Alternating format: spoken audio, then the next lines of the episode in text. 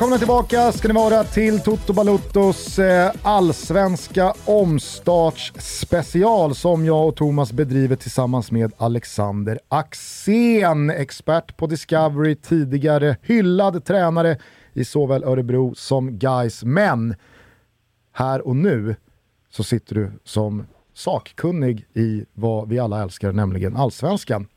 Eh, vi hoppas att alla haft en bra midsommar. Thomas är fortfarande i Frankrike när vi spelar in detta. Men mm. eh, det går väl ingen nöd på dig Wilbur? Nej, nej herregud inte. Alltså, jag, jag gillar ju alla de här franska delikatesserna eh, som vi pratade om också för en vecka sedan med mörkelsåser och, och eh, jag tänker på nu när det, när det har varit midsommar, här nere har vi pastis va. Det är ju en delikatess från Frankrike som jag tycker väldigt, väldigt mycket om. Hur mår du Alec? Jag mår jäkligt bra faktiskt. Underbart, mm. härligt. I eh, torsdagens avsnitt eh, inför söndagens fyra första matcher så pratade vi väldigt mycket om eh, Häcken, Bayern, Djurgården och AIK. I detta avsnitt som alltså berör kvällens eh, andra fyra matcher så kommer det givetvis bli väldigt mycket fokus på mesta mästarna Malmö FF, men kanske också framförallt IFK Göteborg som alltid trots uteblivna sportsliga framgångar är ett hett ämne för diskussion. Men jag tänker att vi eh, börjar i Älvsborgsänden. Mm. Som ikväll möter då Varberg. Elfsborg som i fjol, tror jag, överraskade många, inklusive mig, med att uh, vara en del av uh, guldracet hela vägen uh, in i uh, slutskedet. Men som i år har blandat och gett.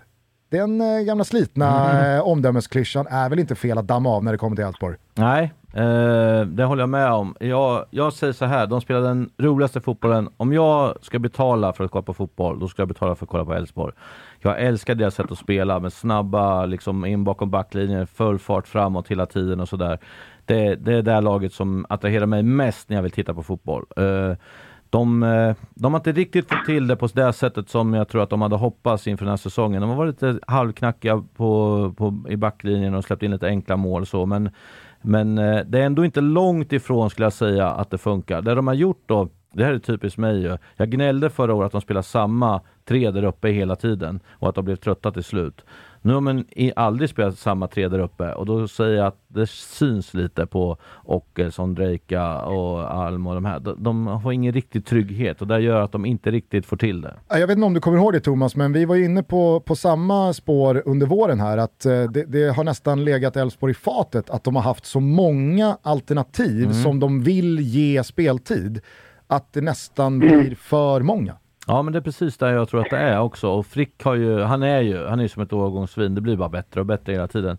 Men så har du Gudjonsson som ligger där bakom hela tiden och har ruggig kvalitet också. De har fått spela han ibland, eh, Frick har varit skadad och sådär. Och så har han visat sig vara jäkligt bra, gjort mål och grejer. Och det gör ju att han mer vill, ja men varför får inte jag spela och så här. Jag tror att det är ett, ganska mycket tryck på på Thelin där nu att leverera vem som ska spela och det, det har varit lite tufft för honom i det här läget. Sen Simon Olsson som är otroligt bra, har inte riktigt varit så bra som, som jag tycker att han borde vara heller. Så att det är också ett av de här lagarna som vi säger kommer bli bättre till hösten. Sen får man bara se hur långt det räcker. Tror du att, eh, för jag tänker om jag backar bandet i huvudet två år eh, till en tid då Jimmy Thulin var ganska ifrågasatt och eh, man undrade när ska Andreasson agera? För det här funkar ju uppenbarligen inte. Men sen så hände någonting, jag vet inte om, om pandemin hade någonting mer att göra och att det blev lite mer att tränarna kunde fokusera på bara liksom, lagets utveckling, att ta poängen i matcherna och få ja, men, ett, ett framsteg ute på banan med sitt lag utan att eh, behöva liksom, ja, men på ett helt annat sätt ha då media, supportrar och allt annat som är den allsvenska cirkusen närvarande. Jag vet inte om det eh, låg till grund för att någonting hände i Elfsborg eller om det faktiskt bara är då att tid går och att tålamod till slut betalar av sig. Att Jimmy Tillin kanske går i bräschen för att fler klubbar i allsvenskan tänker att ja, men vi kanske faktiskt ska ge den här tränaren en säsong till, eller i alla fall ett halvår till, än vad man kanske gjorde för 4, 5, 6 år sedan. Ja, då, då vill jag börja med att ge Thomas lite cred till sin spaning i vårt förra avsnitt då, där de spelade en possession-fotboll, han var kär i, som alla unga tränare, nya tränare, i Pep Guardiola. Och det skulle se likadant ut med finbyxor och sån här tröja och på sidan. Och det skulle vara in i mittfält, skulle gå ner som högerback och högerback upp och in och ut. Och det skulle vara possession.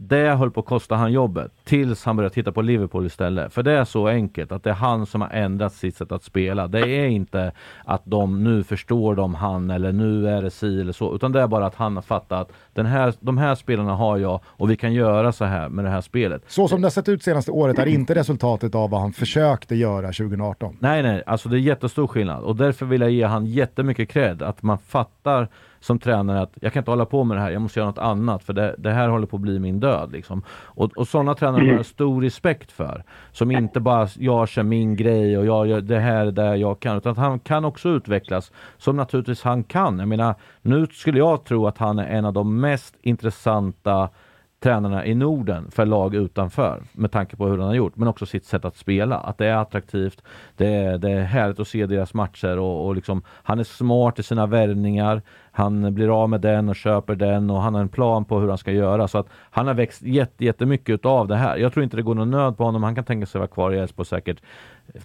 jättemånga år till. Men jag tror att börjar snart ryckas lite i honom så kan det bli så att han lämnar för att han ska testa något nytt. Så. Men framförallt hans utveckling som coach, att han just kunde bryta bort sig från den här trötta Guardiola-fotbollen till det han gör nu. Det måste jag ge han jättemycket cred för det faktum att Elfsborg också under den här tiden har förändrats väldigt mycket attitydsmässigt i då sitt sätt att spela duellspel, att man är i toppen av kortligan eh, och har väl så varit de senaste tre säsongerna.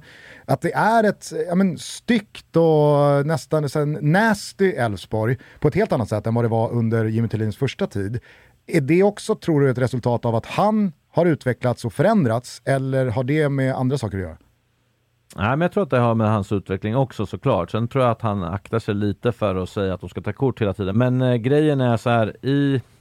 Eh, vad ska man säga? I, I sitt sätt att spela så bygger det på att de ska göra frispark så fort de tappar bollen. Och vi har ju sådana domare som, som tar kort på sådana saker direkt. Det mm. som man internationellt inte gör. Man tycker att det är för larvig varning, typ, så vi tar den inte. De får ju de varningarna hela tiden. Där tänker vi i Sverige helt annorlunda. Det kan man säga, ja exakt. Här kan du inte bara ta en frispark sådär utan att ha intention att spela på boll. Nej, och så heter det där eh, stoppa ett lovande anfall. Och vad det är nu, vem som har kommit på den regeln och, och sådär. Och vart börjar det i så fall? Eh, men det är där jag tror att det är mycket sådana saker. Att, och sen har man ju Frick där uppe som vi var på. Sen Simon Strand när han spelar och, och sådär. Johan Larsson lägger inga fingrar emellan. Och, man har haft någon dansk på mitten som har vevat och sådär. Så att de har, de har liksom de har hittat ett sätt att vinna fotbollsmatcher och då är man precis på gränsen ibland och jag tycker det är rätt skönt att se det faktiskt. Jag tycker det du säger Alec Kara, att man, man förstår sin spelartrupp, man förstår vilka som är nyckelspelarna, och man förstår vad man behöver göra, var man behöver placera dem eh, för att få ut maximalt av eh, de bästa spelarna det, det har han ju verkligen lyckats med och att man går ifrån kanske att man har ett processtänk eh, och man vill spela en viss typ av fotboll men att man inser att nej, men det kommer kanske inte funka här för mig. Det är så här jag vill spela fotboll, men det är så här jag vinner fotbollsmatcher för det är, det är i slutändan det enda som betyder någonting eh, på den här nivån. Och det, det måste man ju ge, eh, bara för att förstärka det, återigen stor cred till eh, Jimmy Tillin det är ju de, det är också de tränarna som lyckas liksom, i slutändan. De, de, de som förstår vilka spelare som är de viktigaste och hur man, hur man ska få ut maximalt av dem. Elfsborg har ju som eh, klubb eh, sen eh, efter gulden, kanske inte lika mycket 2012 som 2006, men senaste tioårsperioden så har ju Elfsborg varit väldigt mycket av en talangfabrik som har fått fram oerhört bra spelare som sen har gått vidare och fått eh, väldigt framgångsrika karriärer, inte bara klubblagsmässigt utan också i, i eh, landslaget.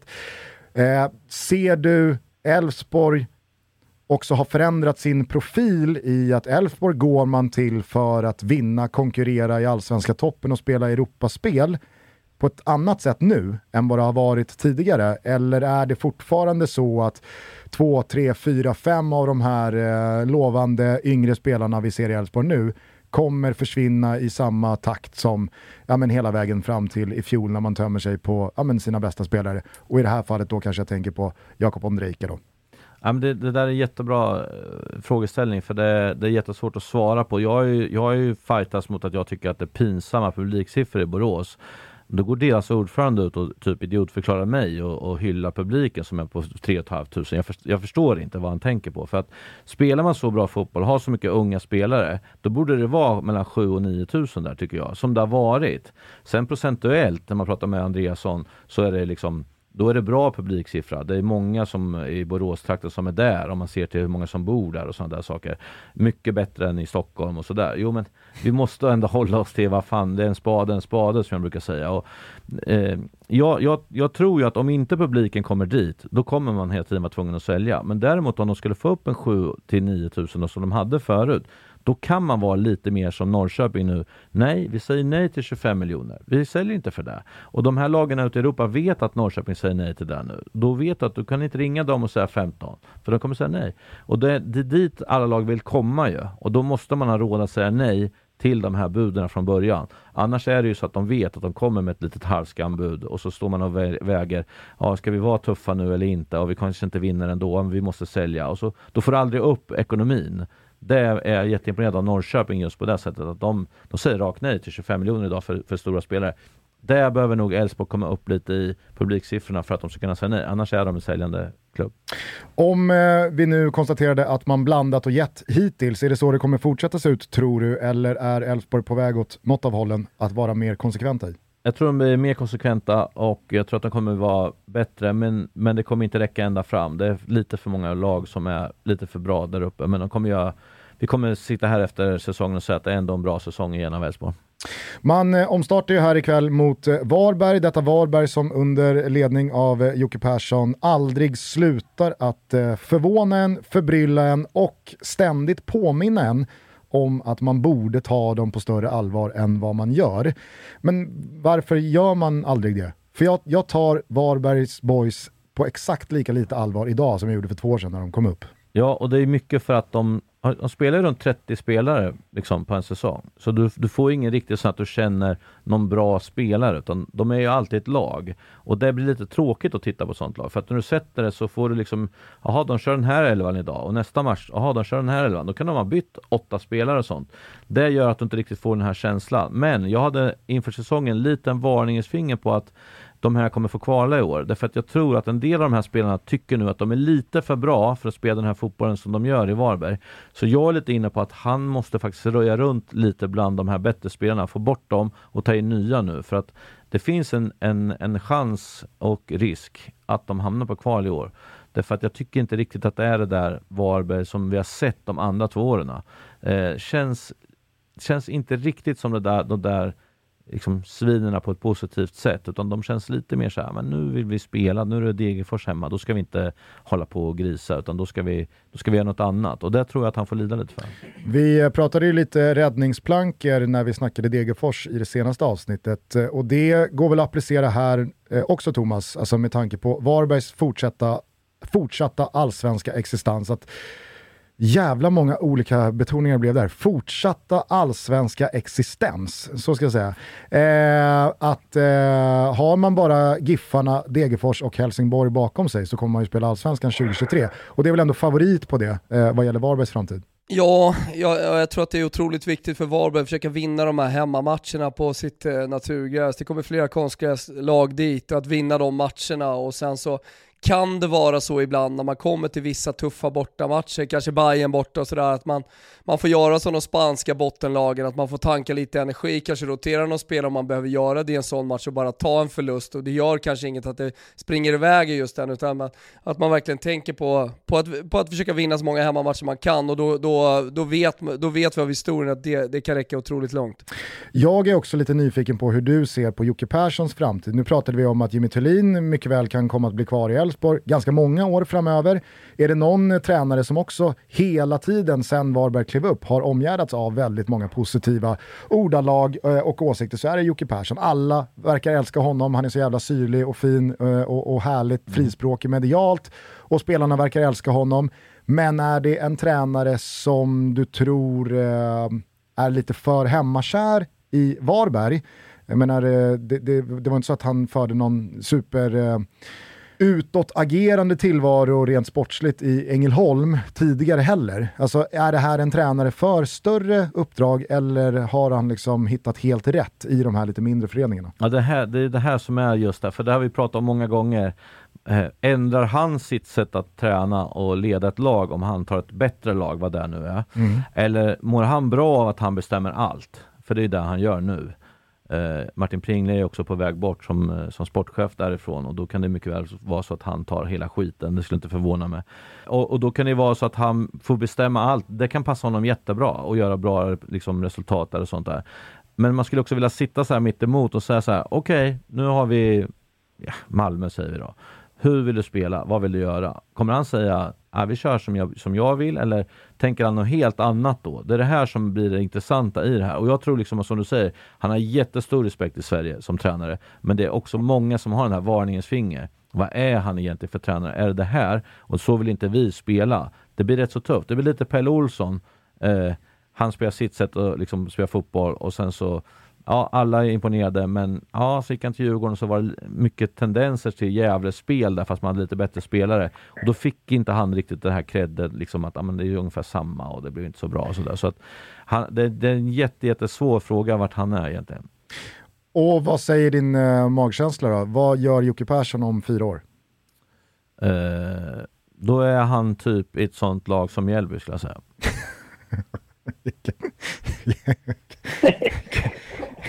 Twists and turns. Jocke Persson går till Mjällby. Ja, ja. Fortsätter bara vara Jocke Persson. ja, lite så. Ja. Jag tror att det är en superbra gissning faktiskt. En superbra prognos. Mm. Och det är väl jättefint också? Eh, återstår väl att se då hur många lag Varberg har eh, under sig när vi summerar tabellen i, i höst. Men eh, det är väl inte speciellt många som tror att det kommer vara fler än fem. Nej, det, det kommer det inte vara. Nej. Hörni, vi är äntligen, höll jag på att säga, men vi är äntligen nog sponsrade av Volt igen och vi är under några veckor så det gäller att hänga med här. För de som inte känner till Volt sedan tidigare så är det ett multibrandutbud för män, alltså internationella produkter kombinerat med Skandinaviens bästa designers. Vad pratar vi för kläder och varumärken då? Jo, Filippa K, Tiger of Sweden, J. Lindeberg, These Glory Days, Oscar Jakobsson, Samse Samse, alltså top of the line. De har 40 butiker från Malmö söder till Umeå norr.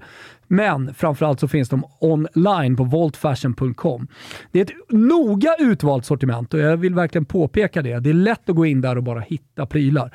Man får liksom hjälp med urvalet hos eh, de här varumärkena som jag nämnde. Det är egentligen bara att gå och plocka på sig. Nu går vi in eh, i en sommar då det gäller att eh, snygga till sig. Det är en massa fester, det är midsommar, det är grillkvällar, det är kräftskivor och en hel del bröllop säkerligen också. Och där ska jag säga de allt från casual till kostymer, eh, så var med på det. Och just nu, 20% rabatt på ett helt köp. Både online och i butik. Och vad är det ni ska göra då? Jo, oh, ni ska uppge koden TOTO20. Så ni kan bara gå, plocka på er de kläderna ni vill ha Alltså, tänk att köpa en kostym för 3 3 500 så får man 20% rabatt på det. Koden är TOTO20 och för er som vill nätshoppa så är det voltfashion.com se. Passa på! De är med nu fram till 30 juni 2022 alltså. Så att uh, gå in i en butik, testa ut er kostym, köp era kläder eller online. Vi säger stort tack till Volt som är med och möjliggör Toto Balutto. Vi är sponsrade av K-Rauta, jajamensan. Hörrni, hur många är det som står där eh, på landstället och eh, snickrar och sågar och har sig och tänker fan, jag skulle behöva det här verktyget. Äh, men då är det läge att gå in på krauta.se eller i ett varuhus för att kunna utföra dina projekt som du behöver göra. Och då behöver man ju såklart de bästa verktygen och som ni vet så älskar vi Ryobi och Kårauta har ju en massa fint från deras sortiment. Köpte nyligen en kompressor till som jag ska med mig när jag ska ut på sommarkupper så jag kan pumpa mina bollar. Kostade en femhunka ungefär. Bara kliva rätt in på K-Rauta. Jag håller ju på mitt i en renovering och jag kan bara rikta ett stort tack till K-Rauta som har varit med mig från ax till limpa. Glöm heller inte att bli medlem i deras kundklubb för att samla bonuspoäng hörni och ta del av alla deras erbjudanden. Slänger in här en Ryobi trimmer slash skruvdragare kit 18 volt 1399 styck. Har kostat eh, 2399 innan. Så att eh, det finns hur mycket som helst. Det är bara att gå in på ett eh, varuhus eller korauta.se. Vi säger Kitos! Eh, jag tänker att vi fortsätter eh, denna eskapad i uppsnacket här eh, kring den allsvenska omstarten med att ringa upp utrikeskorrespondent Daniel Larsson, numera också hotshot-agent. Tjena Danne, Janne här. Har du Sams nummer?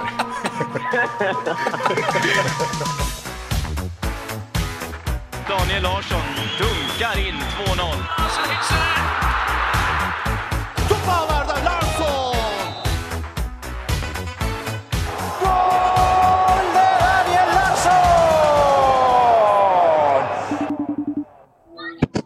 Ja, Daniel. Nej men där är han ju. Ja, det är korrekt. Det låter som att det är bråda dagar. Det, ja, det är otroligt bra dagar.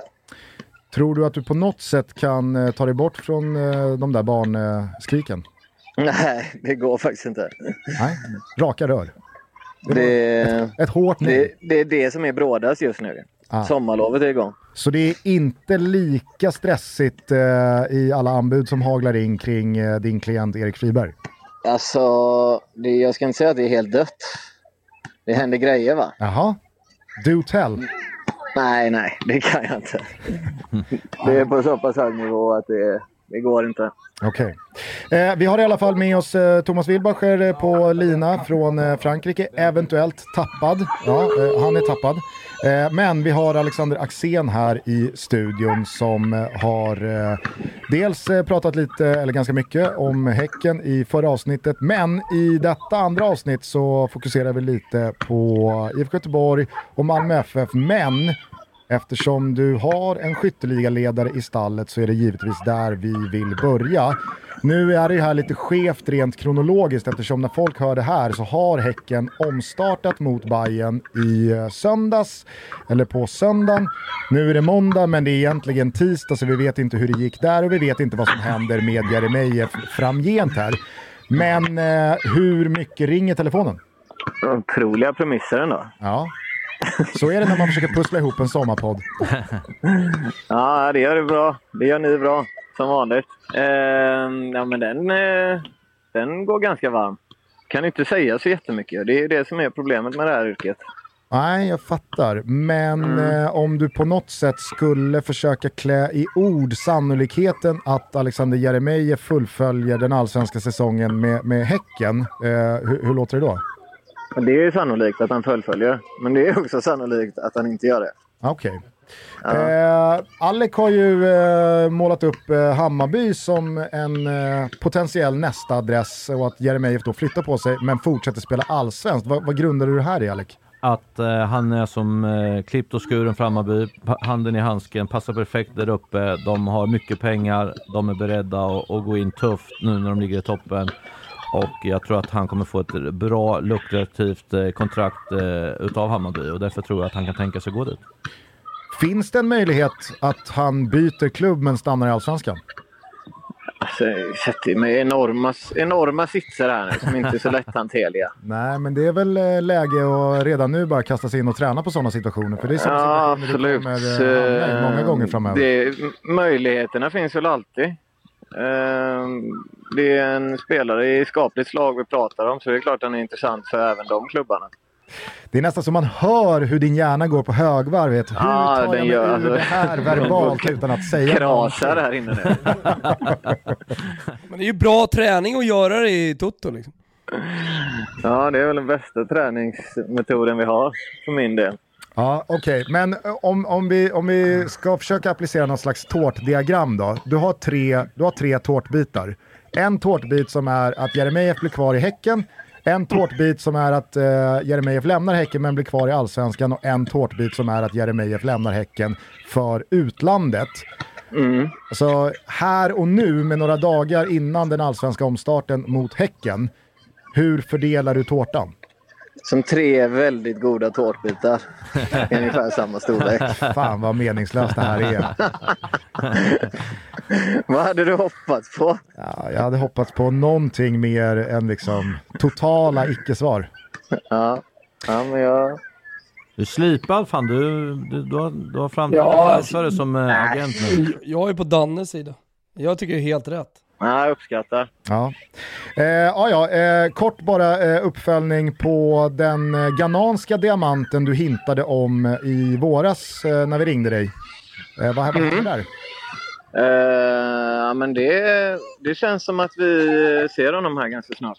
Han kan komma att eh, få speltid eh, direkt när han blir spelklar för Värnamo. eh, Nu, nu hackar det som fan här. Vad sa du? Han kan komma att... Han kan komma att få speltid omgående i Värnamo så fort det går. Eh, ja, alltså det finns ju lite fönster och sånt att ta hänsyn till. Men eh, han, vi kan se honom på svensk mark eh, på fotbollsplan väldigt snart. Det är min förhoppning. Så vi pratar med en annan person. eh, Okej, jag, jag måste ju då av skyldighet eftersom eh, du är hans bror också fråga eh, status kring, kring Sam. Eh, jag förväntar mig efter den här inledningen på samtalet noll och ingenting. Men eh, Fast han, ja, det, där har vi en annan situation, för jag är inte hans agent. nej, nej, okej, här kan du prata som, som, som bara som brors, brorsa. Ja, precis. Ja, nej men eh, vi, vi, ska, vi ska börja närma oss IFK Göteborg så då tänker jag att eh, Sam kan vara en bra brygga där. Eh, hur, hur rimligt är det att han spelar allsvensk fotboll för eh, Blåvitt här, eh, 22? Eh, ja, men den tårtbiten skulle inte jag ta för jättestor. Okej, men eh, allsvensk fotboll överlag då, i någon annan klubb? Nej, nej. Där Det- är han det finns inte i så korten. Fastkilad till den klubben. På gott och ont. I mina ögon. Mm. Men eh, han har ju eh, ett gott öga till dem. Och de eh, har ju inte ett ondare öga till honom, är känslan. Nej, det kan man väl verkligen förstå. Kan efter- behövas där också eventuellt. Ja, precis. Det var det jag skulle komma till. För att eh, du säger på gott och på ont och det är ju en klubb som är speciell att vara väldigt starkt sammankopplad med. Hur, hur ser du på, på Blåvitts eh, vårsäsong som började så bra poängmässigt men som för alla oss som tittade lite noggrannare och tittade lite där mellan raderna kanske såg att ah, det här kommer nog inte eh, sluta uppe i toppen och det är nog inte frid och fröjd på det där skeppet eh, till 100% än så länge. Hur har du följt eh, Blåvitts säsong hittills? Ja, vad var det? De, de tog tre raka, va? Jajamän. Och det, den sista i den trion av segrar var derbyt mot Häcken. Om jag inte är snett på det, va? Ja, exakt. Eh, Det var väl eh, Värnamo, Helsingborg och Häcken. Och sen Ja, varit lite och, sen så vann de i sista omgången. Ja. Allt, allt däremellan var kryss eller torsk, va? Precis. Eh, ja, men det var ju eh, nästan skrämmande tydligt hur beroende de var av att Berg levererade. Så kan man väl sammanfatta deras säsong så här långt. Trots att han var jävligt bra så, så hade han ju en liten torka där målmässigt. Och då blev det ju ja, men noll eller en poäng på sin höjd. Det är väl rätt tydligt att eh, han behöver fortsätta och vara deras överlägset bästa spelare. Sen hade han nog gärna tagit emot lite mer hjälp. Men då låter det ju lite som att det är konstgjord andning fortfarande som bedrivs både på Ullevi och på Kamratgården. Eller ser du en utveckling? Ser du liksom en process som är på väg åt rätt håll? Alltså jag är ju i grunden svag för Stare. Som människa framförallt. Jag har aldrig haft honom som tränare. Men jag undrar honom med all framgång. Så jag hoppas att han kan få ordning på den skutan. Men eh, är väl inte enbart eh, positivt inställd till eh, hur framtiden det närmsta kommer se ut där eller?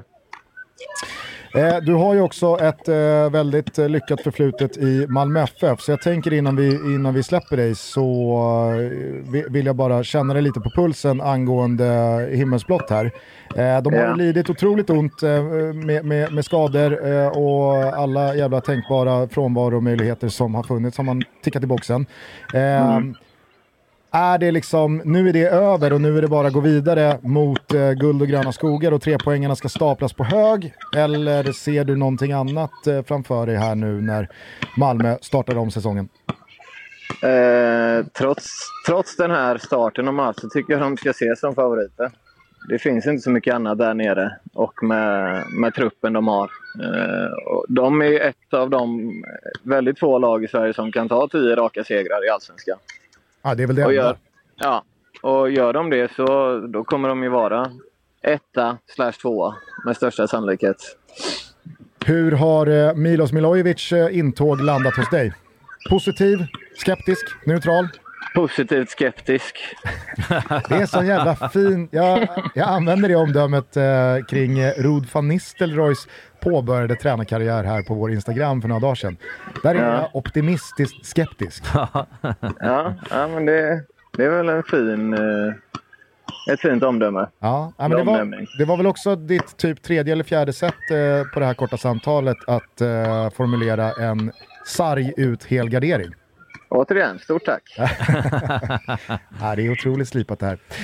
Eh, Alec, har du någon fråga till eh, Danne innan vi släpper honom och eh, blir av med eh, det oerhört påfrestande miljöljudet i bakgrunden? Nej, men jag hoppas att han ringer mig direkt när Jeremejeff förklarar för Hammarby och säger att fan, du hade rätt. Självklart. Ja. Ja, Nu härligt. vet du. Eh, Du men- behöver inte hjälp att hitta klubb eller? Eh, ja, ta någon som ger mig runt 20 mila per år och som får jag gå efter tre månader. Gärna i England eller? Helst i England. Mm, Ja, då behöver- då behöver jag inte ha- Amanet. Då behöver jag inte ha pengar. Hittar du något i England då kan jag jobba utan pengar, det kan jag säga direkt. Ja, men det är bra. Det borde väl Det kunna finns- gå att lösa finns någon goda slags möjligheter. paketdeal Axén Friberg. Alltså man får, man, man får en mittfältare och tränare i samma, i samma deal. Axén Friberg, Sam till och med kanske. Ja, Nu snackar vi. ja. Drömtrio. Nu Ja, men jag jobbar på det. vi. snyggt. Ja, underbart. Eh, kort bara, vad va, va, vad var det Gananen hette? Det har jag väl inte sagt? Det har du inte sagt. Nej, det tror jag inte. Sa du inte det i våras? Jag kan inte tänka mig. Sluta, sluta försök här nu. Nej, ah, ja. Ah, ja. Man eh, gör sitt bästa i alla fall. Ja, det är bra. En, Eh, en vi- fråga ja. bara. Eh, har du Jesper Janssons telefonnummer? Danne? Om jag har det? Ja. Behöver du det eller? Ja, Ja, ja, men jag kan dra över det till dig. Ja, perfekt. Det har gått varmt här mot slutet. Ja, det var det. Inga problem. Ja, men vi hörs snart igen då. Ja, Ja, det gör vi. Bra. Ha det Tjena. fint. Tja. Jag är lika delar imponerad som eh, lite ledsen över att den här muren nu ska byggas upp mellan oss igen. ja.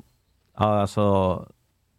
Man blir jävligt tråkig när man börjar jobba med det här jobbet. Jag har ju själv sett mina första intervjuer i, i Allsvenskan. Det är ju, vad fan, vem är det där tänker man liksom. Ja. Men man får så mycket stryk om man säger för mycket eller gör för mycket. Liksom. Alla älskar ju att man gör det. Eh, Hamrén kommer in med sin jävla halsduk och dansar i Skavlan.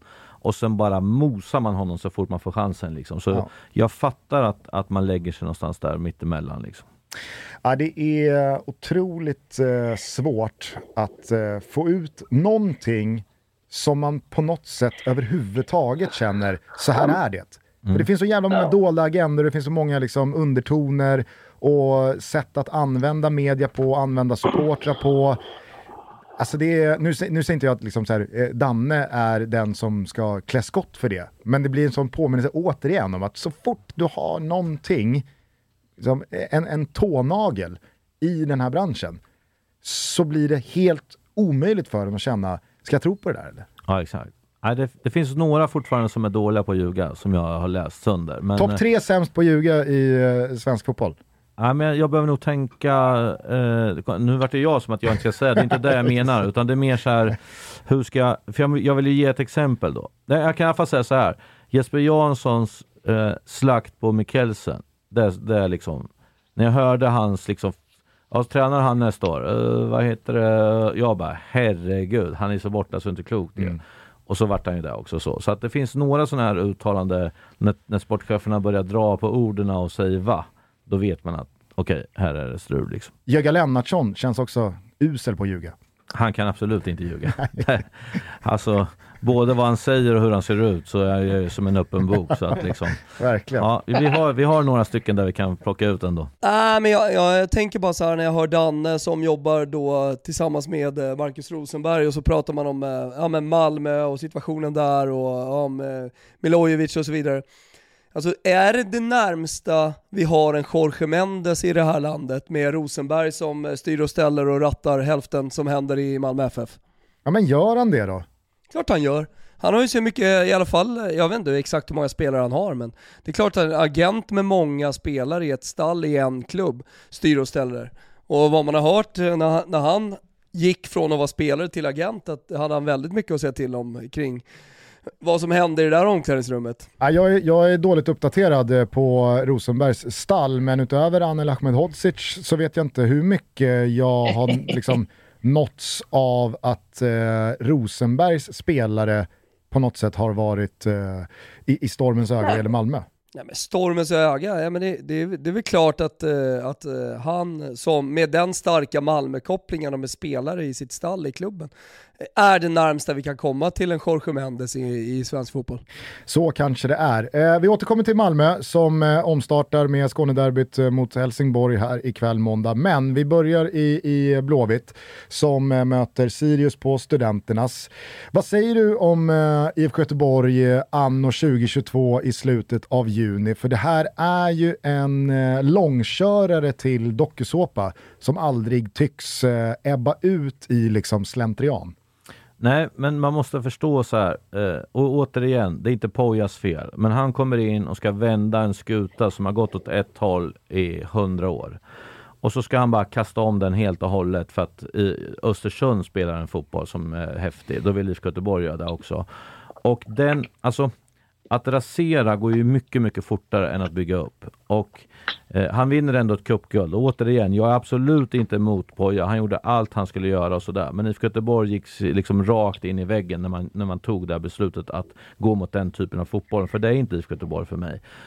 Och man har vunnit två Uefa Cup-guld och man har ju massa landslagsspelare och allting på ett sätt att spela. Och då säger alla, jo fast det är inte 90-talet nu och det är inte hit och dit. Man kan alltid spela på ett sätt som är modernt ändå som Micke Star säger, moder, modernt retro, eller vad fan han kallar det. Skitsamma. Eh, jag säger att med Håkan Mild tillbaka så har det här räddat IFK Göteborg från en riktig krasch tror jag. Och, men det kommer ta tre, fyra fönster till innan, innan de kommer tillbaka till IFK Göteborg, där vi pratar om IFK Göteborg. För frågar du ungarna idag, det är ju ingen som nämner dem som något topplag eller någonting. Alltså var de en sjunde plats som bäst sista fem, sex åren? Eh, och mycket strul och så. Det väl en sån här sminkad sjunde plats där man tog fem segrar de sex Ja. sista när alla har checkat ut, som Så- inte slåss för nytt kontrakt eller guld. Skitsamma, de kom sjua då. Men, men liksom, det här kommer ta eh, alltså mycket längre tid. Därför tror jag att, eh, att låt Mild och Stare köra nu. Och låt dem liksom i lugn och ro få börja bygga om där och förstå att det kommer ta lång tid. För är det någonting jag ändå kan ge Blåvitt-supportrarna, det är att de har haft tålamod. Alltså de är där och stöttar och allting sånt där. Och det är, det är liksom ruggigt bra gjort med tanke på hur fan det har sett ut. Alltså så. Men det jag inte gillar med deras supportrar det är att de ska hålla på och ha sån jävla snack efter matcherna hela tiden. Det är där som liksom de flesta andra lag har vuxit ifrån. Det ska de dit och göra. Alltså, tänk dig som tränare att du ska komma dit och, och så står det massa fulla folk och ska fråga vad fan är som händer. Ska jag stå då? Ah, jävla bra över, överflyttningarna här. Såg ni där grabbar? Och när vi spelar upp och bakifrån. Alltså det finns, det finns ju ingenting som ger någonting. Så där måste de ju sluta med. Men är inte det där bara en dans? Jo, jag säger ju det. Alltså sluta med den. För det är ingen som liksom går på det där längre. Utan gå bara, klappa från långt avstånd och gå in och visa liksom respekt för dem. De har varit grymma. Men sluta med det där snacket. Liksom.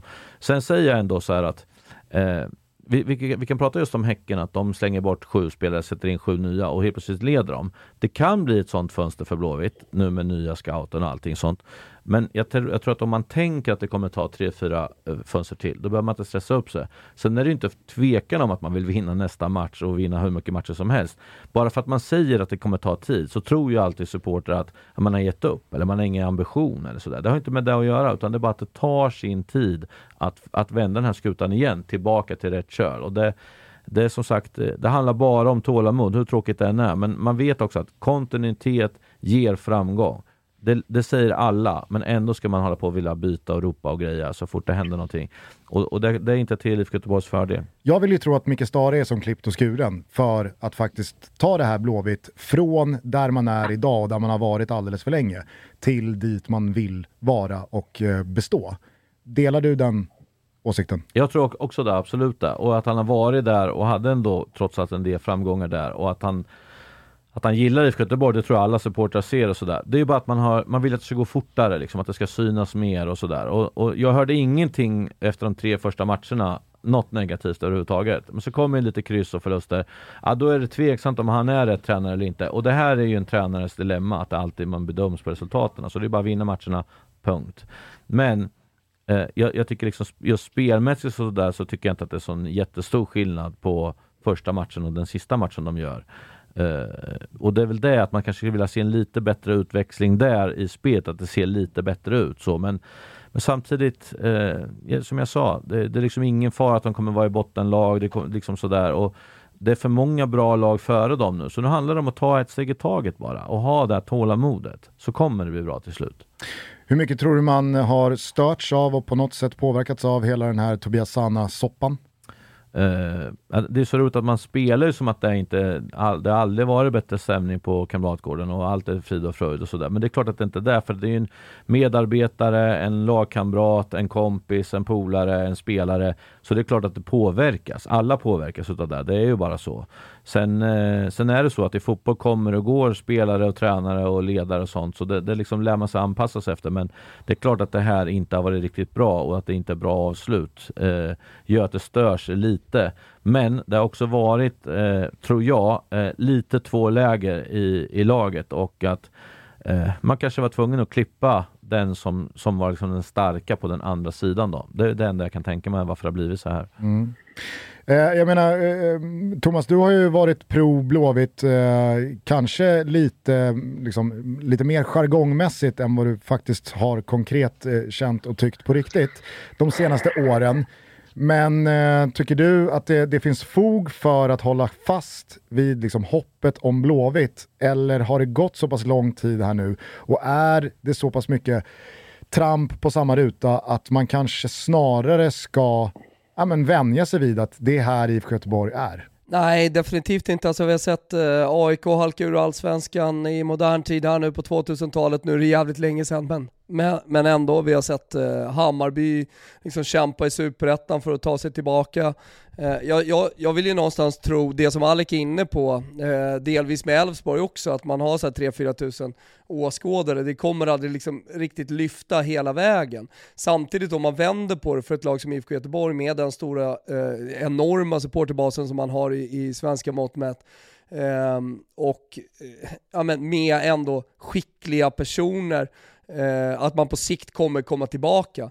Eh, jag, jag, jag, oavsett om det hade varit IFK Göteborg eller om det hade varit Djurgården eller AIK så, så tror jag någonstans att snar, man, man, kommer komma tillbaka till att vara med i en toppstrid igen. Eh, och det, det, måste ju gälla IFK Göteborg också. Eh, nu, nu Håkan Mild som Alec nämner, eh, som en stark man eh, och som otroligt viktig. Nu får man in den jävla chefscouten som jag inte kan någonting om, som alla pratar om hela tiden, men han verkar ju vara jätteduktig.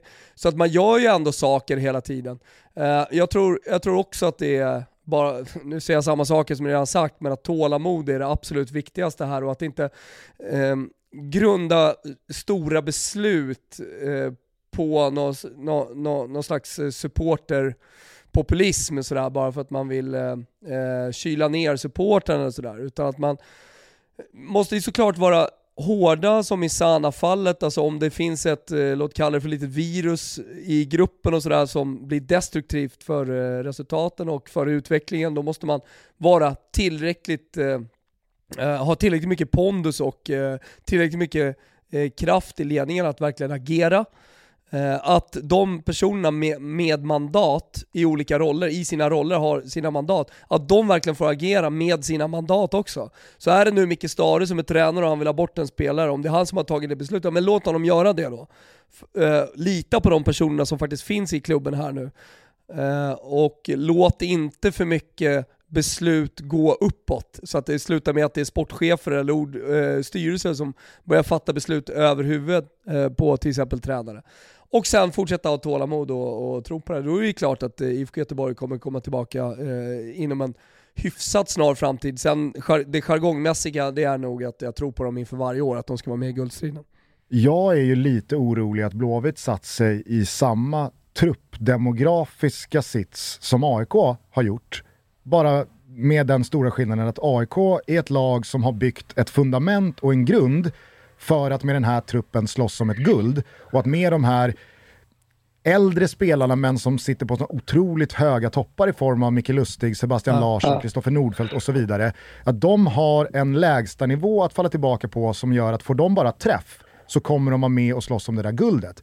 IFK Göteborg har ju byggt sin trupp lite på liknande sätt med Marcus Berg, Gustav Svensson, Oskar Wendt, Simon Tern och så vidare. och så vidare. Att, ja, det är ju spelare som på sina absolut bästa stunder och en sån period kan vara otroligt bra och allsvensk toppnivå. Men fundamentet och grunden gör ju att Blåvitt bygger från tiondeplatsstrecket. Så att gör de det tillräckligt bra i tre månader, ja då kanske Blåvitt kan lyfta mot en femte plats. Och om två säsonger när de här fyra, fem spelarna är borta, Alltså, tyck, tycker du är lite taskig mot 29-åriga Simon Thern här då?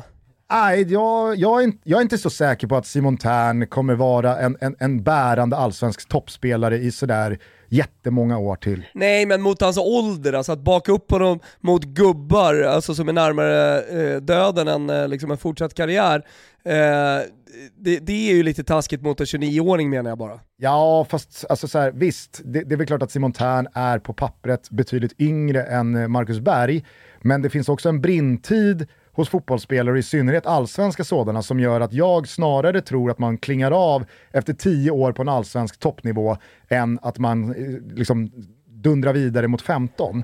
så att, Jo, eh, absolut. förstår, förstår du vart jag vill komma? Jag med, så jag är här, va- Men- Var men- är Blåvitt om två år när de här fyra, fem spelarna som man har investerat så mycket i, när de försvinner? Hur har man ersatt dem och hur har man liksom så här slussat Ja, men dem? det är ju det chefscouten, det är där chefscouten kommer in. Under de här åren som du pratar om, då kommer han få in en massa bra spelare så att eh, det, det finns lirare i truppen. Ja, det håller jag med om. Och det, skillnaden mellan AIK och Göteborg i det här läget är att AIK har ju tagit in unga spelare och spelat dem eh, och sålt dem. Uh, IFK Göteborg har ju sålt sina unga också, men de har inte riktigt fått spela klart i Allsvenskan om du förstår vad jag menar. De har gjort det bra 10, så har de rykt liksom. Och, och det tror jag är skillnaden, att, att de har varit tvungna att sålt på ett annat sätt än vad AIK har varit. Annars är de ganska lika som du säger i tankesättet och allting. Men sen är det det här, du vet, jag är allergisk på det här, man ska etablera sig i Allsvenskan, eller man ska etablera sig som topplag och sådär. Vilket lag har gjort det här liksom? Alltså det är ofta så att Malmö åkte ut, eh, AIK åkte ut, Djurgården, Hammarby, alltså Norrköping. Ja, men alla lag, när vi börjar titta, utom är egentligen Elfsborg och Blåvitt, som inte har åkt ut om man säger av de här lagarna. Men vad betyder det att man etablerar sig? Alltså, för mig är det liksom Vinn din match, om, om, det, om det ska vara som, som Malmö, om vi ska vara ärliga, de har ju en jättegammal trupp, eh, alltså så. Och det har märkts nu när de har fått massor med skador. Eh, de här unga spelarna som finns i Malmö, vi kommer in till det sen, vi kan ta det då förresten. Men att eh, eh, jag tror att IFK Göteborg måste göra så här för att få ett stopp, ett lugn och att folk börjar prata om IFK Göteborg med respekt igen bland de unga spelarna där ute och att man kan slå igenom i IFK Göteborg för att sen komma vidare. Det har inte varit så sista åren. Det har bara varit strul och, och liksom konstiga saker och, och tjafs och bråk med ordförande och tränare sparkar och det är allt möjligt. Det inte, alltså, de unga spelarna idag ser inte upp till IFK Göteborg på det sättet som vi gör som har varit med på 80-90-talet. Eh, och det måste de bygga tillbaka till sin trovärdighet först och främst. Och det är klart att då blir den här sanna eh, historien ytterligare en tagg i det här då, på något sätt. Men om det krävs för att bygga sig till respekt, ja då får det bli så då. Eh, men, men de måste börja bygga en trovärdighet igen, där man nämner IFK Göteborg med respekt för någonting som är en stabil förening som jobbar på ett bra sätt. Det har man inte gjort. Och sen, och med det sagt också så är det viktigt att man fortsätter att bygga med, sina, eh, med sin ungdomsakademi. Alltså IFK Göteborg har ju möjligheter och de är delvis där också där man suger upp allting Eh, från eh, alla närliggande småstäder och eh, allting i, i regionen. Det är klart att det finns konkurrens från Gais och ÖIS och, och så vidare men att man är tydligt liksom den klubben man, man ska vara i som 15-årig superspelare som kanske kommer in i ungdomslandslag och, och så vidare. Att man, att man verkligen eh, fortsätter att investera i, som AIK har gjort delvis, och som Bayern har gjort nu med sina 04 med Williot som kommer upp och så vidare, att, att, man, att man fortsätter producera egna spelare också hela tiden. Du pratar ju här om eh, både trovärdighet och tålamod. Om de två ska hitta någon form av symbios och gå i varandra, vad är en rimlig slutplacering för Blåvitt den här säsongen? För att trovärdigheten ska upprätthållas, men också tålamodet som man har äskat om här nu i ganska många år, ska på, på samma sätt vara liksom rimligt. Sexa, åtta, där skulle jag säga. Det, De har gjort det bra. det lirar med båda liksom. Ja, de har gjort det bra och man har tagit ett steg liksom, att stabilisera sig nu. Man har aldrig varit i skiten det här året. Man har liksom varit i mitten eh, eller liksom där. Och man, eh, man eh, liksom har satt en grund för att ta ett steg till nästa år. Så, så en sexa till åttonde plats skulle, det skulle vara klart godkänt för IFK Göteborg. Vi är sponsrade av Heineken Alkoholfri och eh, vissa kanske redan har sett det. För er som inte har sett det så pågår just nu en premiumtävling. Det handlar om att man ska köpa två stycken Heineken 00 och sen ska man ladda upp eh, kvittot på heinekenalkoholfrikampanj.se. Det är hur enkelt som helst och man tävlar om en superduper premiumresa. Flyg, hotell, mat. Det blir en härlig tid i Sheffield med Sverige mot Holland, alltså öppningsmatchen i damernas EM i sommaren. Var sitter man då på arenan? Ni tänker att det är några skitplatser? Nej, ni. Det är i Heineken Alkoholfrias VIP Lounge. Jajebuxingen, man sitter så premium man bara kan göra. Så passa på nu när den här kampanjen rullar. Heineken Alkoholfri kampanj.se är det som gäller. Tjacka två stycken Heineken 00 Ladda upp kvittot så är ni med och tävlar. Det kommer bli hur fett som helst. Vi säger stort tack till Heineken Alkoholfri som är med och möjliggör Toto Balotto. Toto Balotto är som alltid sponsrade av Simor och ni vet ju trots att det är stiltje på den internationella herrfotbollsscenen för tillfället att det händer grejer borta på Simor. Det drar ju ihop sig till damernas EM här nu i juli. Ett mästerskap som ni ser helt reklamfritt på Simor under ledning av min kära vän Frida Nordstrand. Men det finns ju så mycket mer än bara fotboll på Simor också att förkovra sig i. Där finns ju eh, Fartblinda andra säsongen, där finns Hamilton alla säsonger, där finns Brittboxen med Peaky Blinders, eh, The Cleaner med mera, men framförallt så kan man ju också unna sig att se alla Beck-filmer hur många gånger man vill. Sen så drar det igång igen efter sommaren med Champions League, Serie A och La Liga och i november-december så är det ju dessutom fotbolls-VM. Så har ni inte ett simor abonnemang skaffa det nu och gör det verkligen nu för fram till och med den 31 juli, alltså den sista juli, så är det halva priset på de tre första månaderna med vår kod VIPSOMMAR22TUTTO. Den här kan man knacka in om man tar sig till simor.se kampanj totobalutto. Då kan man lägga vantarna på detta Simor Plus abonnemang så är hela sommaren och kommande säsong räddad. Gör det! Vipsommar 22 Toto, simor.se kampanj totobalutto. Eh, tacka oss sen. Vi säger tack redan nu till Simor för att ni är med och möjliggör Toto Balutto. Eh, Blåvitt eh, kommer igång här nu mot eh, Sirius, ett eh, lag som eh, jag helt ärligt tycker får ursäkta ett sånt här avsnitt. Orkar vi prata Sirius? Jag får jämt skäll för att jag hatar Sirius utav alla Sirius. Så något jävla skit får vi nämna. Men, jag, Nej, men det, det var ju faktiskt du som innan inspelning bad om att vi skiter väl i Sirius. Nej men för fan, håll inte på sådär nu. De är galna på mig. Det är de här Bernevall-bröderna som håller på och allt vad de heter. Ja. Eh, utan Kouakou åker man nu, så säger jag. Det sa jag innan säsongen. Jag eh, har ju eh, länge haft en eh, liten vurm va, för Sirius tränare. Som jag undrar ditt omdöme kring Daniel Bäckström. Mm, är, är, det, är det the real deal eller? Han var ju den assisterande efter jag slutade med Axel. Men lärde aldrig känna honom, alltså pratade knappt med honom någonting okay. sådär. Och sen har vi haft lite saker om ja, naivt och det här, du vet det klassiska. Eh, vilken match var det när de gav bort mot Djurgården? Står i straffområdet och spelar insparkar och tappar bollar och sånt där.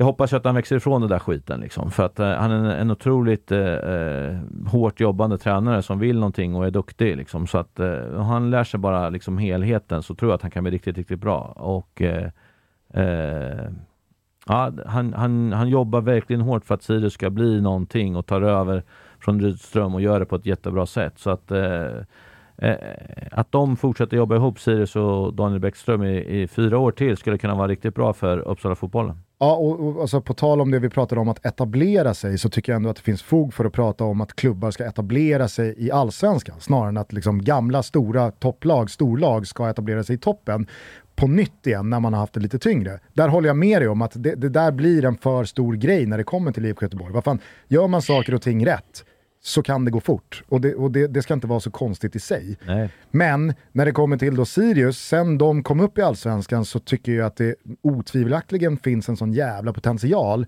i både den klubben, men kanske framförallt Uppsala som fotbollsstad. Mm. Alltså man ser hur bra nya studenternas har blivit. Det är en stad som attraherar ganska många spelare, tror jag, med närheten till Stockholm.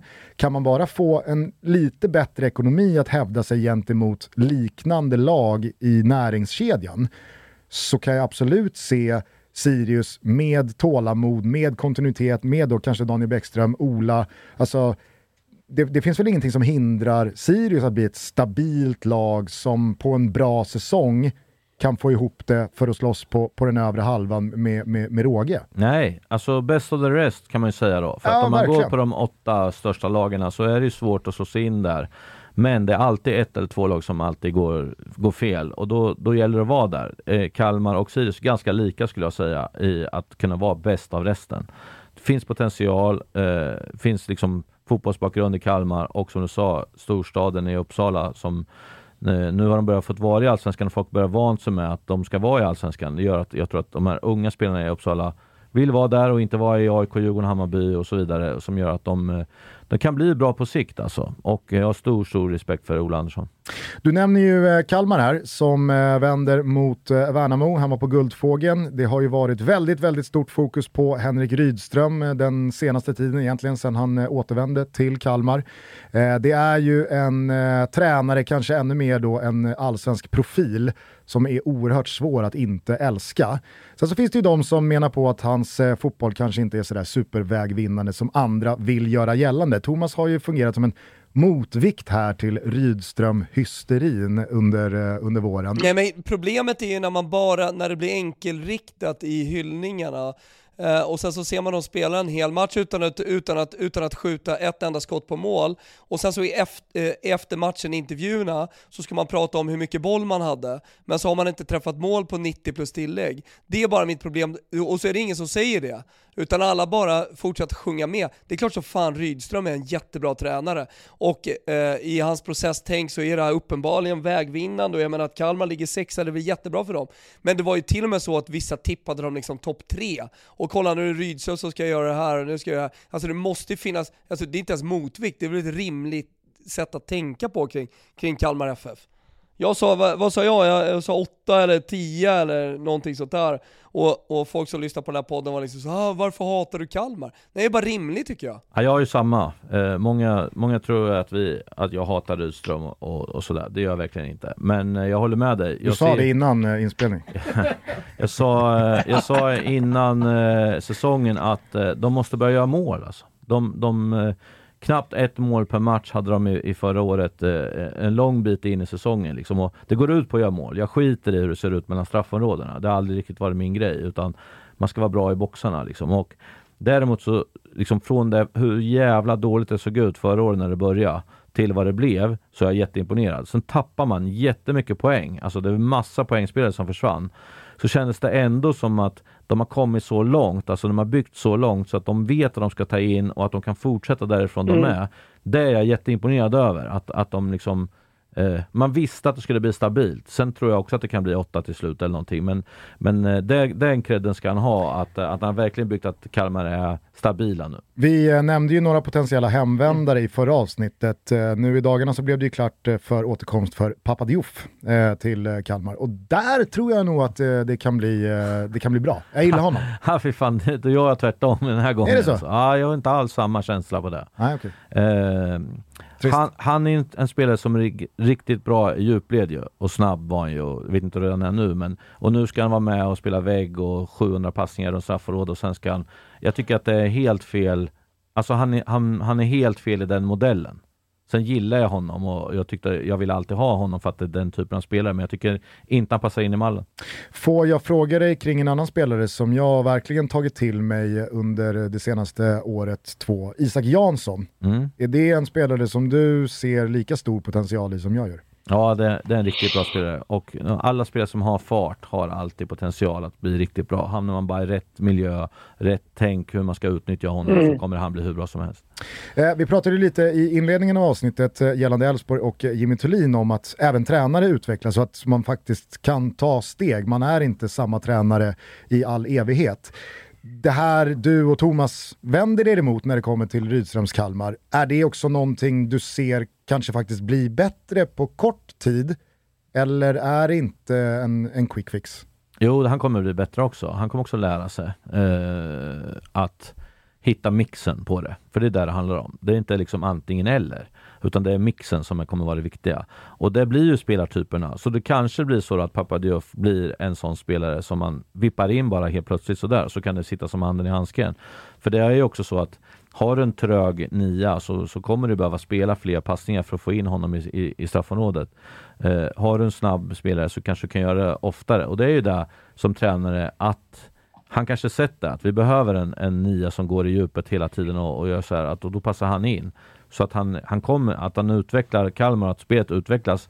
Det är klart att det är så. Men ibland är det lite så här bara för att. Kolla, vi har 65 procents bollinnehav. Mm. Totalt ointressant. Nej, Bosse Petterssons gamla ord äh, ekar i mitt huvud. Det spelar ingen roll hur mycket boll du har. Det är vad du gör med den. Exakt. Det är det enda som spelar roll. Ja, men det är faktiskt så också. Ja. Och, och det är liksom, jo, men... Ja, men det är ju så Thomas att eh, eh, Ja, nu har jag ju vänt lite över till att säga att Elfsborg är bland det roligaste. De ska ha 44 procent och de, de skapar 17 målchanser per 17 avslut per match och sådär. Eh, jag låg också på 44 procent. Det är därför jag lite så här, gillar ju dem också. Men att jag gjorde 1,83 mål i ÖSK per match och släppte in 1,42. Eh, det var ju för att jag ville ha den typen av fotboll. Och lite mic drop-läge där. Ja, lite så. Eh, men det blev inte skitbra för det. Men jag säger att jag, jag gillar att spela den typen av fotboll. Och då har jag svårare för det här med en stor målchans per match. Eh, och man, man ska eh, anfalla kontrollerat som det så fint heter i nya böckerna med de här nya tränarna. Vad fan är det för något för mig liksom? För att för att du ska bli mål så måste backlinjen få vända på sig och ha näsan mot målet för då vet man att man är illa ute hela tiden. Och det ska man göra så ofta som möjligt. Det är där jag, jag tycker man ska göra. Men gillar man Pep Guardiola och att han håller på och passar som han gör och håller på då får man för sig att det är så här man ska spela för att det ska bli bra. Men, men det kommer bli tufft alltså. Och du måste verkligen ha en nia som gör mål då. Har du inte det, mm. då är du illa ute. Nej men och det är det som är så jävla viktigt att ta in i helheten. Alltså jag, jag, jag menade ju på att eh, Kalmar kommer komma nia, jag kollade lite bakåt här nu och det ska de vara glada för. För sett till spelarmaterialet och eh, sett till vad de andra lagen har att ställa på banan så är det inte en dålig, eh, en, en dålig slutposition. Sen så kan jag förstå att de eh, själva vill ha en målsättning som kanske är topp, eh, eller att man kommer fyra, femma, sexa någonstans där. Men det, det är i alla fall jag ska säga, det, Häcken, AIK, Hammarby, Djurgården, Malmö FF, de ska man ju bara ha framför sig. Men snacket var ju från väldigt många att Kalmar kommer bli det stora utropstecknet på grund av eh, Henrik Rydström och vad han gör. Om han får ut maximalt av sin trupp, ja men då kanske Kalmar kan komma fyra, femma, sexa, någonstans där. Men då har han verkligen också fått ut maximalt av sin trupp. Och eh, det, det, för jag menar så här, det är ju andra klubbar eh, som eh, också kommer maxa eh, sin säsong och få ut eh, jättemycket, som har en bättre trupp och har bättre nyckelspelare och, och större resurser. Och då spelar det ingen roll vad Henrik Rydström gör och hur fantastisk han är som tränare, de kommer ändå komma max femma Kalmar kanske saknar det, Värnamo har det. Jag pratar om en anfallare som gör mål. Marcus Antonsson ligger tvåa i skytteligan bakom Alexander Jeremejeff och hans mål har ju eh, legat till stor grund för eh, att eh, Värnamo placerar sig på 12 plats efter 10 omgångar. Med det här snittet så landar man in på 36 poäng, ett säkrat kontrakt och jag måste säga att jag är faktiskt lite småimponerad eh, över hur Värnamo har fått ihop det efter att eh, huvudtränare då Robin Astred som förde upp laget tillsammans med Jonas Tern lämnade i vintras, Kim Hellberg kommer in. Truppmässigt så är det ju Marcus Antonsson som jag tycker på något sätt sticker ut och håller en, en hög nivå. Utöver det så, så var jag riktigt, riktigt orolig för hur det här skulle gå. Men fan vad de har fått ihop det. Ja, vi vart ju lite besvikna för att de tog in Antonsson och Ti som de lånade in från AIK. Innan där var det noll allsvenska matcher i den truppen. Det var rätt coolt. Och då ska man säga att Robin Tihi, det, det, det, var väl snarare en spelare som var ett del av Rickard Norlings eh, experiment. Ja, så är det. En, en eh, mittback som, eh, oj vad bra han är, han måste gå rakt in i Gnaget. Nej, det håller jag med om. Men det hade ändå varit coolt att gå in ett, en säsong med noll allsvenska matcher. Det hade mm, varit häftigt om det hade hänt då. Men nu kommer de in där, de där två, de har gjort det väldigt bra båda två, så ska man säga. Men jag har stor respekt för Kim Hellberg. Eh, otroligt imponerad. Hans farsa och jag möttes lite för hundra år sedan när han tränade eh, Sylvia. Eh, och jag var i Rynninge då, så, där. så att jag, vet, jag har ju följt honom lite och, och jag ser ju att han har fått med sig mycket från Norrköping, han vet vad som är viktigt. Alltså man ska veta att det är han som driver träningarna, det är han som styr allting. Man, alla pratar Jonas Tern. Jonas Tern är världens skönaste gubbe liksom och kan hur mycket fotboll som helst. Men det är mer på detaljnivå-grejer med avslut och kanske sådana saker, medan det är Kim som driver helheten. Och det var samma med den andra tränaren. Eh, man ska veta det när man hyllar hela tiden att de här killarna har gjort det jävligt bra liksom, med såklart hjälp av honom. Mm. Eh, eh, men de här har ju liksom, vet, tänk om de fick tillbaka sina hemvändare. Alltså när vi pratar att de ska, Claesson ska gå till Elfsborg, nej han ska gå till Värnamo i så fall. Simon Thern ska gå till Värnamo, Hult och alla de här som har varit där. Tänk om de liksom, ah, fan vi kör Värnamo grabbar liksom. Då är de ett topp 6-lag. Fikaligan 2.0. Exakt, då är de topp 6-lag direkt. Ja. Så jag tror ju pengarna har de ju, eftersom de har byggt upp pengar från när de här spelarna har blivit sålda sen med utbildningsbidrag och grejer. Men de är helt iskalla. De kommer inte röra de pengarna om de inte behöver det. Och som det ser ut nu så behöver de inte det. Så kommer de bara lägga dem på hög och vänta tills de ska göra någonting ordentligt då, liksom, men inte tappa fotfäste. Vad tycker du talar för att man inte löser ett nytt kontrakt? Att det är Värnamo, att de är för små, det ska inte gå. Det ska vara helt omöjligt. Jag har dem sist för att jag hävdar att det ska inte gå. Och en skada på Antonsson, då är det väl, eh, alltså, precis som Danne var inne på att Malmö kan ta tio raka segrar, så är väl Värnamo ett sånt lag som, vill det sig illa, ja då kan man stapla tio förluster på hög. Absolut, och, och det ska de egentligen göra om man ska vara ärlig efter de förutsättningar de har. Och sådär. Men de har överraskat så här långt. Men vi har bara kommit in en, en tredjedel. Så det kommer bli jobbigt för dem. Eh, men de kommer vara ett av de här fem lagarna som slåss för livet.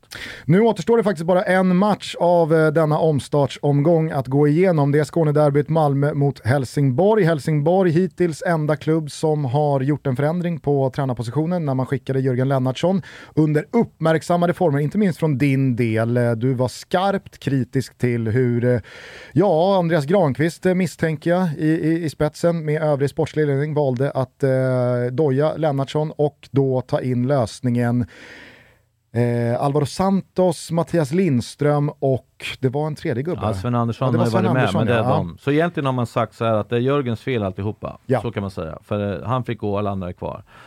Eh, jag är kritisk till att lag, tycker att laget är för dåligt. Det är 31 spelare, eller 30, det beror på vem du frågar. Eh, och 18 kan du slänga på soptippen direkt, de är för dåliga bara. Och sen har du de andra som är godkända spelare. Det är så det är. Och, och, och då lämna över det på något sätt och säga att det är tränarens fel.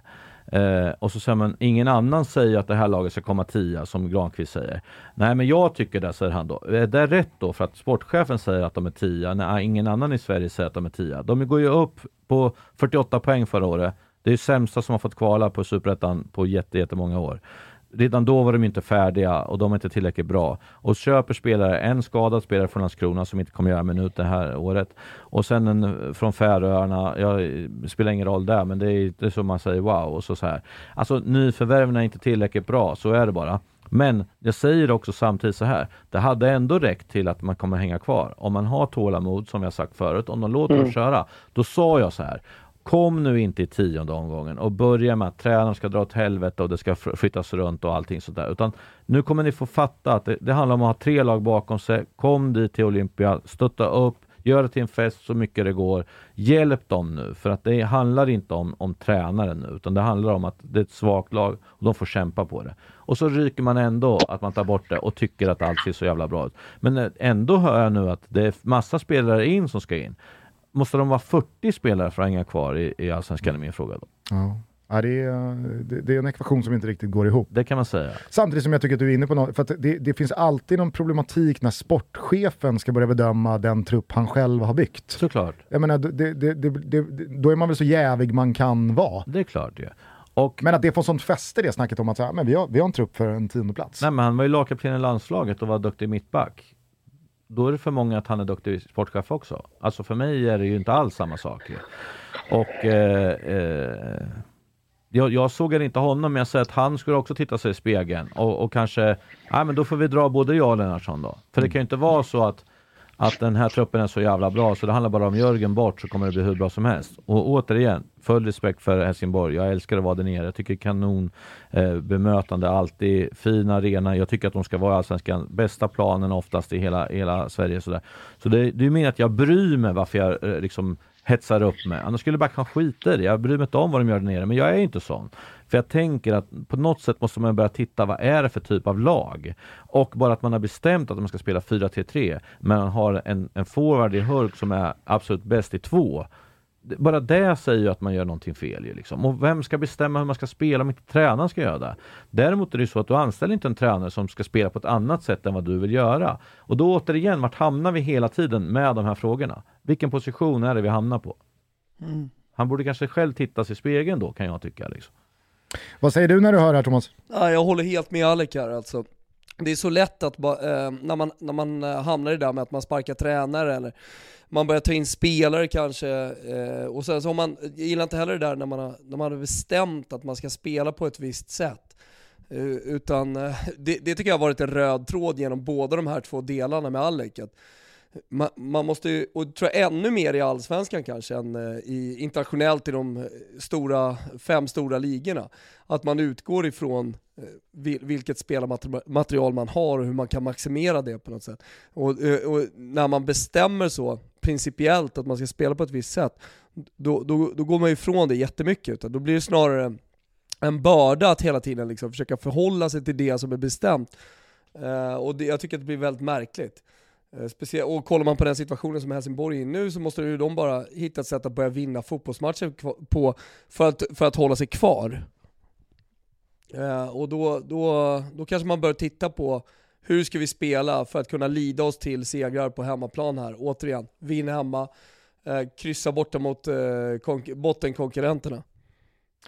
Jag, En- jag, jag vill bara säga en sak där. Ja. Det, det som absolut är roligaste, eller roligaste, men att Förra året mötte man Värnamo två gånger och vart helt sönderpissad. Alltså Värnamo var helt överlägsna i båda matcherna. Då när man förlorar här hemma med 4-1 den här matchen, när de kontrar sönder dem totalt ju. Så blir det så här, det är inte värdigt Helsingborg att förlora mot Värnamo. Nej men förra året var det ingen som sa någonting, att Värnamo var helt överlägsna i Superettan och överlägsna Helsingborg. Men bara för man kommer upp i Allsvenskan, då tänker man helt plötsligt att, för, att, att styrkeförhållandena har närmat sig bara för att de är där. Nej, de var ju massor poäng efter och de har tagit in värvningar som har satt som en smäck och, och så vidare. Så man är inte liksom nykter när man analyserar att varför är det så konstigt att vi får stryka Värnamo? Ja, det är inte ett dugg konstigt med tanke på hur det såg ut förra året och hur det har sett ut nu med nyförvärv och sånt ju. Nej, men det blir väl så, den allsvenska kostymen och manteln den, den väger ju tyngre än den superetska. Mm. Ja men så är det, men man är inte, man är inte nykter i sin bedömning hävdar jag då. En eh, ljusglimt finns det i alla fall, tycker jag, i jumbon Helsingborgs 2022 hittills. Och det är Taha Ali. Eh, dribblern som eh, är otroligt spektakulär att titta på när han har en bra dag. Hur många karat tycker du att eh, Taha Ali går för?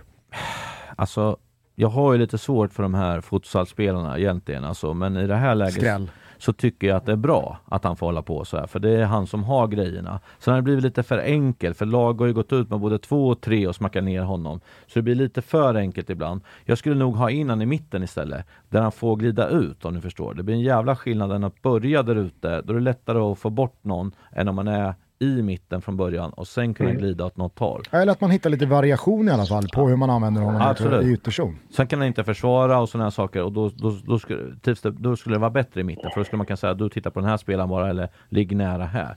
Så jag skulle nog flyttat in honom så. Men att det är en otroligt sevärd spelare han har sin dag. Det är ingen tvekan det. Liksom. Är det en potentiell eh, större försäljning som eh, Helsingborg kan göra mycket nytta av med, med de miljonerna in? Ja, med tanke på vad de fick ge till Örebro efter typ en halvtimme eh, spel så, så, så, så kanske de kan lura någon annan också till stora pengar. Ja, där kanske Granqvist kan hämta hem lite då förtroendekapital om han lyckas med en sån försäljning. Ja, alltså som sagt. För bränner han den, ja då är det ganska många minus på kontot. Ja, men alltså utvärdering av en spel eller en, eh, en sportchef blir ju nettot.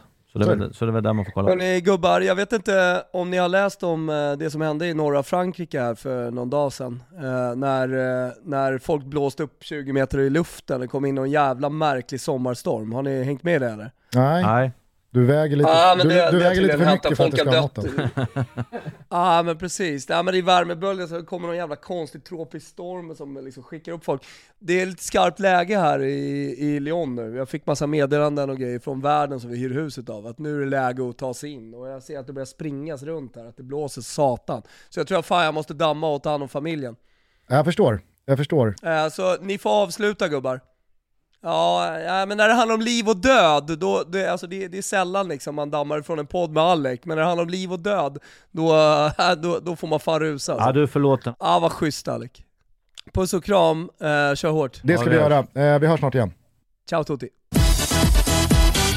Vi fick ju med oss Thomas eh, i lejonparten här av detta monsteravsnitt som är uppdelat på två episoder. Nu har vi bara ett lag kvar och det är Helsingborgs motståndare i detta Skånederby. Tuffast tänkbara eh, omstart för HIF när Malmö FF då på Stadion i Malmö står för motståndet. Det har ju varit en oerhört eh, jobbig eh, start för Milos Milojevic eh, i eh, Malmö FF. Jag menar bara att eh, komma till ett eh, lag som är regerande mästare, som har spelat Champions League-fotboll och så ska man försöka, ja, men med den historik Malmö har med sina tränare post Åge Hareide, försöka liksom axla den manteln. Eh, efter alla eh, sju svåra år med, med, med skador och sjukdomar och fan och hans moster så blev det ju ett kuppguld, en avslutande seger och helt plötsligt så känns det som, eftersom du började den här episoden någon gång förra veckan med att säga att Malmö har gynnat som fan av det här uppehållet, som att, precis som Danne också var inne på, att Malmö mullrar igång nu och kanske redan har gjort det. Ja, men jag tror det också. Och eh, man ska inte underskatta att de vann kuppen där. Var inte imponerade spelmässigt, det kan vi säga direkt. Eh, och hade de förlorat då, då tror jag att huvudet hade rykt för honom. För att det är ju, du vet ju det här i Malmö, de gnäller ju om de vinner med 3-0 och inte spelar bra fotboll. Nu gick han på en defensiv eh, insats där och, och eh, lyckades krångla sig vidare och vinna den matchen. Men nu måste han börja leverera. Nu måste det börja hända saker och jag tror liksom att när alla de här är friska, då kommer det vara jävla tryck på träningarna. Det blir högre tempo och så kommer de kunna gå runt på spelare på ett annat sätt och välja hur man vill göra.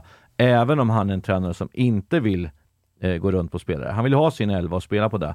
Så tror jag att han har lärt sig någonting nu under det här. Att eh, man måste lära sig att gå runt. Därför att de spelade med samma lag mot Värnamo hemma när de hade haft en tuff match mot AIK tror jag det var. Och det blir 0-0 då. Eh, där måste man våga kasta in en annan typ av spelare som är jävligt sugna och vill visa att Värnamo kan vi ta och sådär. Och det tror jag att han har fått lite krav på nu också, att han förstår vilken trupp han har. Så att jag, jag säger också att eh, det är Malmö att slå fortfarande, men jag säger som ni har sagt förut, det är Hammarby, det är AIK, det är Djurgården, det är Elfsborg, det är Häcken som också kommer hålla på där. Liksom det som är fördel för Malmö är att de har ju varit tre gånger i Stockholm, tog bara en poäng, gjorde inget mål, eh, har jag för mig. Eh, men de har ju de där hemma sen liksom, och det är, det är ändå stor skillnad. Eh, nackdelen för dem är att de har mött AIK i båda och att AIK eh, fick med sig en seger som de normalt oftast får ett kryss eh, men förlorar alltid borta. Att där har de ändå gjort dubbelmöte och AIK ligger före med fem poäng tror jag. Eh, så det blir ändå så. Men då har du de här derbyna sen också. Och derby mot Helsingborg med all respekt är inte samma sak som när AIK möter Djurgården och Hammarby. Ja, det är väl eh, det kanske minst spännande derbyt som finns i Allsvenskan, Skånederbyt, Malmö-Helsingborg. Jag har varit på, jobbat på ett och varit imponerad över trycket som var ändå. Men det var ju många år sedan och eh, då de var ungefär lika bra. Eh, det har de inte varit nu så att nej, det blir som vilken match som helst ska jag säga. Du eh, vill ju hävda i din summering här via Discoverys Twitterkonto att eh, vårens spelare heter Alexander Jeremejeff. Jag, jag vill fan slå ett slag för Lasse Nielsen. Jag är otroligt imponerad över hur en spelare så pass sent in i karriären kan ta de steg och blomstra så mycket som han har gjort. Alltså, han har sett ut som, jag vet inte, Paolo Maldini, Ja, jag håller med. Alessandro Nesta. Jag håller med. Han- Otrolig insats hittills av Ja. Lasse. Jag hade han i vårens lag. Jag tycker också att han har stuckit ut. De, de har fått mycket skäll i Malmö och allting sånt där. Men han har varit brutalt bra faktiskt. Så han har fått en ny tändning. Kanske att någon kontrakt är på väg ut eller någonting. Men att eh, han har verkligen steppat upp. Och eh, han passar väldigt bra med den andra unga mittbacken som man ställer frågan. eh, Kommer han kunna vara lika bra som Ahmed Hodzic? Och det har han varit. Eh, så att, eh, ja, jag håller med dig. Lasse Nilsson, otroligt bra spelare. Jag tycker också att det har varit väldigt positiva besked från Ola Toivonen efter den här långa skadefrånvaron med hur han har sett ut. Jag har aldrig trott på, efter den där skadan, att han ska komma tillbaka och spela 90 minuter var tredje dag. Men jag var orolig för att man i hans ålder tappar ganska mycket av eh, ja, men det, det, det livsnödvändiga för att prestera på den nivån som man förväntar sig att Ola Toivonen ska göra. Men fan vad bra han har sett ut när han väl har spelat. Ja, han måste vara arg liksom. Det där. Han måste ha den här aggressionen hela tiden, att han är liksom på gränsen och sådär. Och jag var lite rädd att han skulle tappa den när han fick skadan. Att liksom, eh, han har gjort allting, han har, nu har han vunnit också mycket pengar och allt har varit sådär. Är det liksom värt att komma tillbaka och springa runt och spela på konstgräs i eh, halva matcherna och sådär. Men hans ögon och hans eh, inställning har visat att han är där. Han är beredd att jobba jäkligt hårt för det här och det är det där jag gillar hos honom. Ja, och kan man så på det få tillbaka AC i skadefri form, och jag menar, det, det ska man väl kunna räkna med att man får. Det var en baksida som drogs och när den läker så är, finns finns det väl ingenting som talar för att Christiansen inte ska fortsätta takta sina ja, men, ordinarie minuter vecka ut och vecka in. Där har du Isak Kiese och Berget och Rex och uh, Lewicki. Alltså, jag menar, det, det, det finns ju sådana högklassiga spelare på i princip varenda position. Att vill man bara det här tillräckligt så ska man ju kunna ja, men, gå in i en, i en vinstrun som gör att det blir svettigt för de andra att hänga med. Ja men så är det ju. Problemet de kommer få om alla är friska, det är att det kommer vara folk som tycker de ska få spela. De får sitta på bänken och en del får inte ens sitta på bänken. Det blir frågan. Hur kommer de klara av det? Hur kommer de tackla det? Och i och med att han vill spela med samma lag hela tiden också så är det ju där ett problem. Och det är det här jag var lite kritisk mot eh, eh, Malmö, att de har haft svårt att eh, ta bort sina äldre spelare, det här som vi sa med värdighet och därför att hade man pytsat ut tre förra året och, och liksom tre i år så hade det sett bra ut. Nu måste man kanske ta sju på ett år och det kommer bli jobbigt för Malmö, för det är ändå kulturbärare, de har varit med om mycket, publiken älskar dem. Men de har varit något år för länge och någon har till och med varit två år för länge och det, det blir deras dilemma nu att, att mixa ut de här. Ja, eventuellt. Eller det är, det, är väl, det är väl rimligt att tro. Å andra sidan så kan jag tänka mig att eftersom man ganska nyligen tackade av Markus Rosenberg så är allting så mycket mindre smärtsamt och jobbigt än det. Om du förstår med, det, blir, mm. det blir så mycket mindre skala. Att det kan, kanske funkar att göra i, i, i större bulk. Ja, problemet är ju när du tar bort sju och uh, får två vinster på de fem första. Så, ja, kommer, så kommer det vara, vad fan gjorde ni sådär för liksom?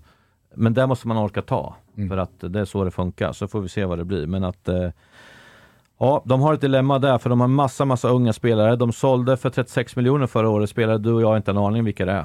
Eh, det är på ungdomssidan. Precis. Så och någon liksom, till FCK för 15 miljoner. Ja, men du fattar liksom. Alltså, vilken, och, och de får inte komma in i A-laget, därför att de, de platsar inte.